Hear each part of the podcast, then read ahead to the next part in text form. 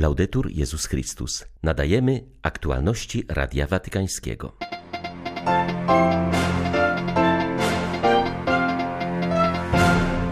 Święci są fascynującym komentarzem do Ewangelii, powiedział Franciszek do uczestników Watykańskiego Kongresu o Świętości dzisiaj.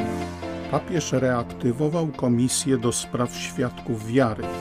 Ujawnienie prawdy o nadużyciach było dla nas bolesnym ciosem, ale dzięki temu Kościół się zmienił, mówi przewodniczący Episkopatu Francji rok po ogłoszeniu raportu niezależnej komisji. 6 października witają Państwa ksiądz Krzysztof Ołdakowski i ksiądz Tomasz Matyka. Zapraszamy na serwis informacyjny. Oby Kościół i społeczeństwo rozpoznawały znaki świętości, których Pan nie przestaje dzisiaj wzbudzać, czasami w najbardziej nieoczekiwany sposób.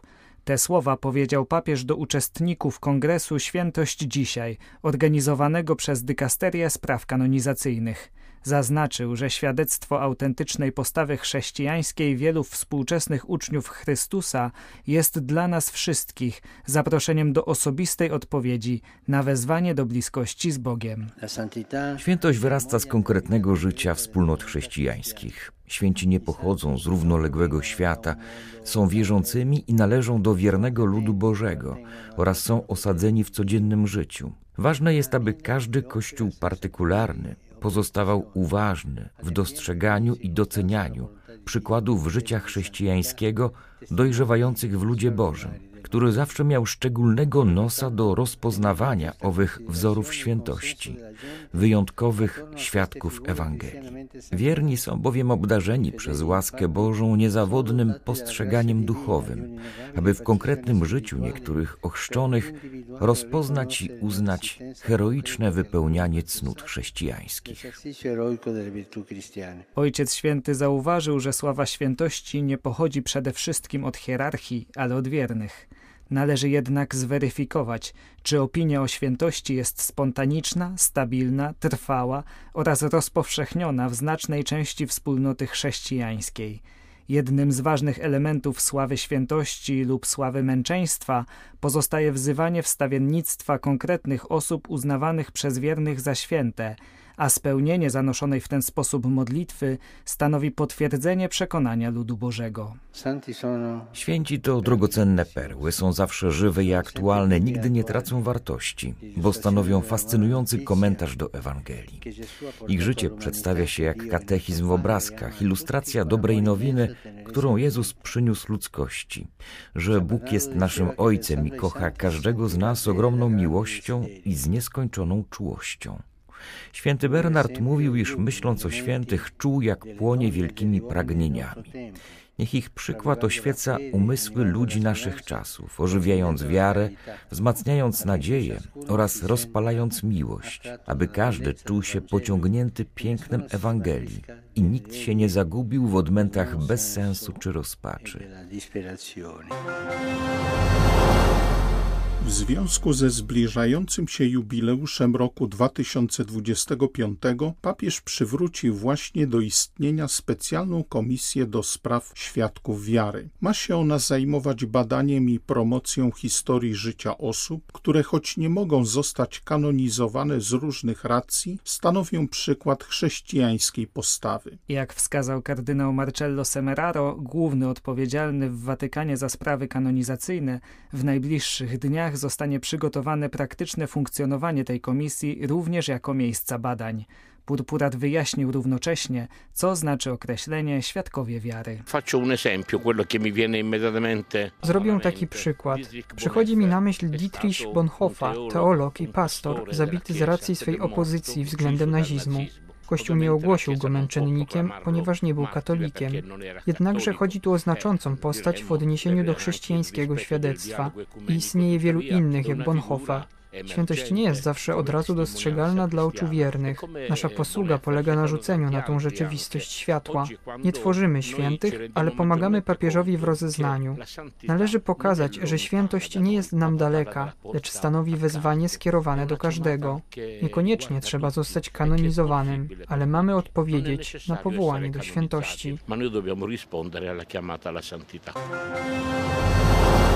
Cztery dni trwać będzie papieska pielgrzymka do Bahrajnu, maleńkiego azjatyckiego kraju w Zatoce Perskiej. Watykan opublikował szczegółowy program wizyty, do której dojdzie w dniach od 3 do 6 listopada. Jej cel stanowi udział papieża Franciszka w Bahrajńskim Forum Dialogu. W pierwszym dniu podróży Franciszek spotka się z królem Bahrajnu oraz przedstawicielami wspólnoty obywatelskiej.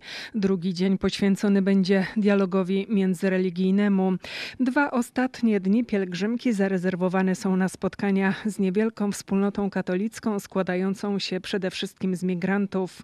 Przybędą nie tylko wierni z Bahrajnu, ale z całego wikariatu apostolskiego Arabii Północnej, do którego należy ten kraj. W ciągu wizyty Franciszek odwiedzi stołeczną Manamę i Awali, gdzie znajduje się katedra Matki Bożej Arabskiej, wybudowana na ziemi podarowanej Kościołowi przez króla. Hasłem podróży będą słowa na ziemi pokój ludziom dobrej woli.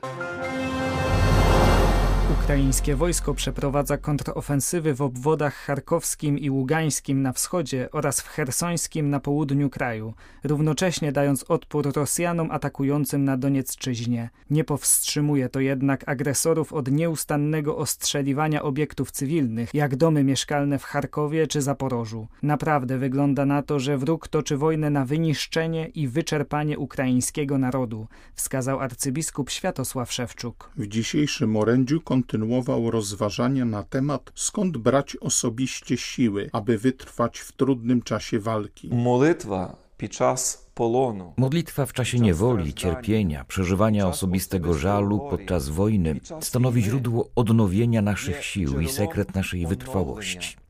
Aby wytrwać, należy więc nie tylko znać prawdę i mieć przekonanie, że się czyni słusznie, ale trzeba dać owej prawdzie możliwość, by dotknęła nas osobiście. A tą prawdą, drogą i życiem nie jest coś, ale ktoś. Nasz Pan Jezus Chrystus, stojący blisko nas. Powinniśmy więc codziennie wychodzić na świat z odkrytym sercem, które potrafi słuchać Boga, a także dzielić się z innymi usłyszanym Słowem Bożym. W tych dniach poruszyły nas nowe odkrycia, jakich dokonało ukraińskie społeczeństwo na wyzwolonych od rosyjskich okupantów ziemiach charkowskich. W katowni w mieście Wołczańsku więźniowie wydrapali na ścianie ikony Bogu Rodzicy i Jezusa Chrystusa, obrazy uobecniające im żywego Boga, naszego Zbawiciela i Jego przenajświętszą Matkę. Obok tych ikon więźniowie wydłubali znaki, przy pomocy których liczyli dni swojej niewoli. Te ikony, jakie stanowią dla nas, chrześcijan obrządku wschodniego, tajemnicę obecności wieczności wśród doczesności, miejsce i moment spotkania człowieka człowieka z Bogiem, te ikony są takim głębokim wołaniem, głębokim symbolem mówiącym nam, kto się modli, ten wytrwa, kto się modli, ten się ostanie. Kościół musi przyjąć klucz Jana Pawła II i Benedykta XVI do interpretacji Soboru Watykańskiego II, którym było wezwanie do ewangelizacji w pełni wiary katolickiej. Wskazuje na to George Weigel, podkreślając, że w przeciwnym wypadku będziemy świadkami tworzenia takich katolickich chimer, jak choćby niemiecka droga synodalna i powolnego umierania Kościoła. Nawiązując do 60. rocznicy rozpoczęcia Soboru, amerykański publicysta zauważa, że był on bardziej nastawiony na chrystianizację świata niż na zmianę Kościoła. Wskazuje, że w związku z trwającym synodem na temat synodalności warto sięgnąć do spuścizny Vaticanum I odkryć ją na nowo. W tym celu należy czytać Sobór przez pryzmat jego dwóch najważniejszych tekstów Konstytucji dogmatycznej o objawieniu Bożym i o Kościele.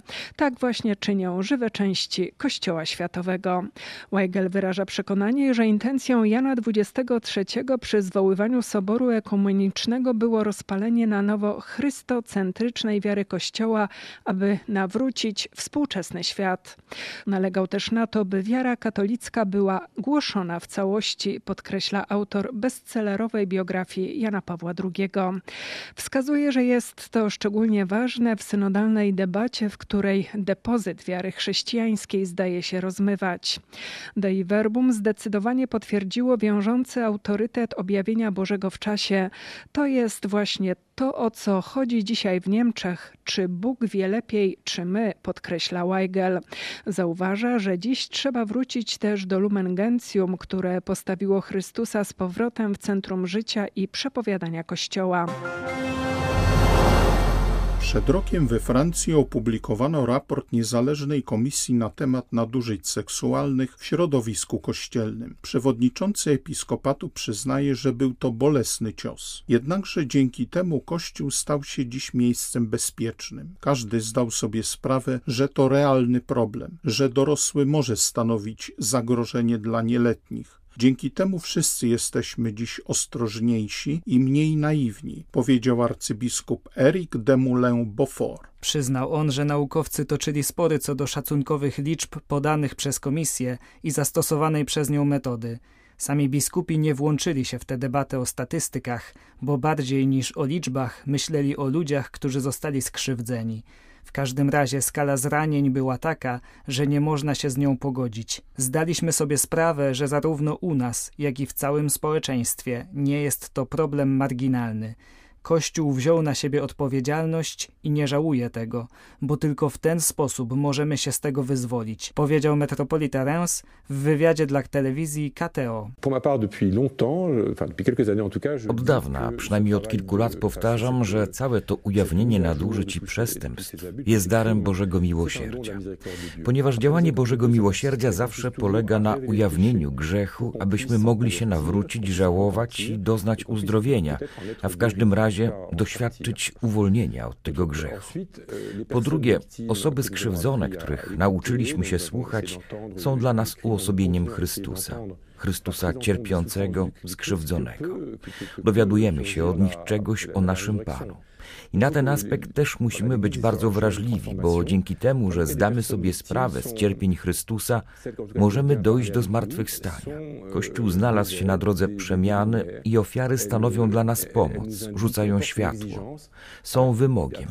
Przez nie dociera do nas to, czego żąda od nas sam Bóg, bo On chce naszej przemiany i nawrócenia. Z tego punktu widzenia jest to dzieło oczyszczenia, które budzi nadzieję na przyszłość vivre. Papieski Uniwersytet Laterański, który Jan Paweł II w historycznym przemówieniu w 1980 roku nazwał Uniwersytetem Papieża, kończy 250 lat. Uczelnia powstała w 1773 roku z inicjatywy papieża Klemensa XIV po połączeniu ówczesnego seminarium rzymskiego ze szkołą teologiczną Kolegium Rzymskiego. Od 2018 roku Uniwersytet Laterański po raz pierwszy w historii ma świeckiego rektora, profesora Vincenzo Buonomo. On to w rozmowie z Radiem Watykańskim podsumował dotychczasową działalność uczelni oraz przedstawił plany na przyszłość. Cele uniwersytetu obejmowały kształcenie oraz badania naukowe, które są potrzebne, aby wychować osoby zdolne wnieść ważny wkład w życie Kościoła i społeczeństwa. W przyszłości należy kontynuować rozpoczęte dzieło, ale także, co ważne, badać znaki czasu, aby zrozumieć, jak Kościół powinien odpowiedzieć na współczesne wyzwania, oraz jakie są oczekiwania samego społeczeństwa, najważniejsze problemy i pytania, które się rodzą. Z drugiej strony chcemy formować osoby odpowiedzialne za wspólny dom, dostarczając im nie tylko narzędzi technicznych, ale także filozoficznych czy teologicznych, przydatnych w tej złożonej, ale i ekscytującej misji.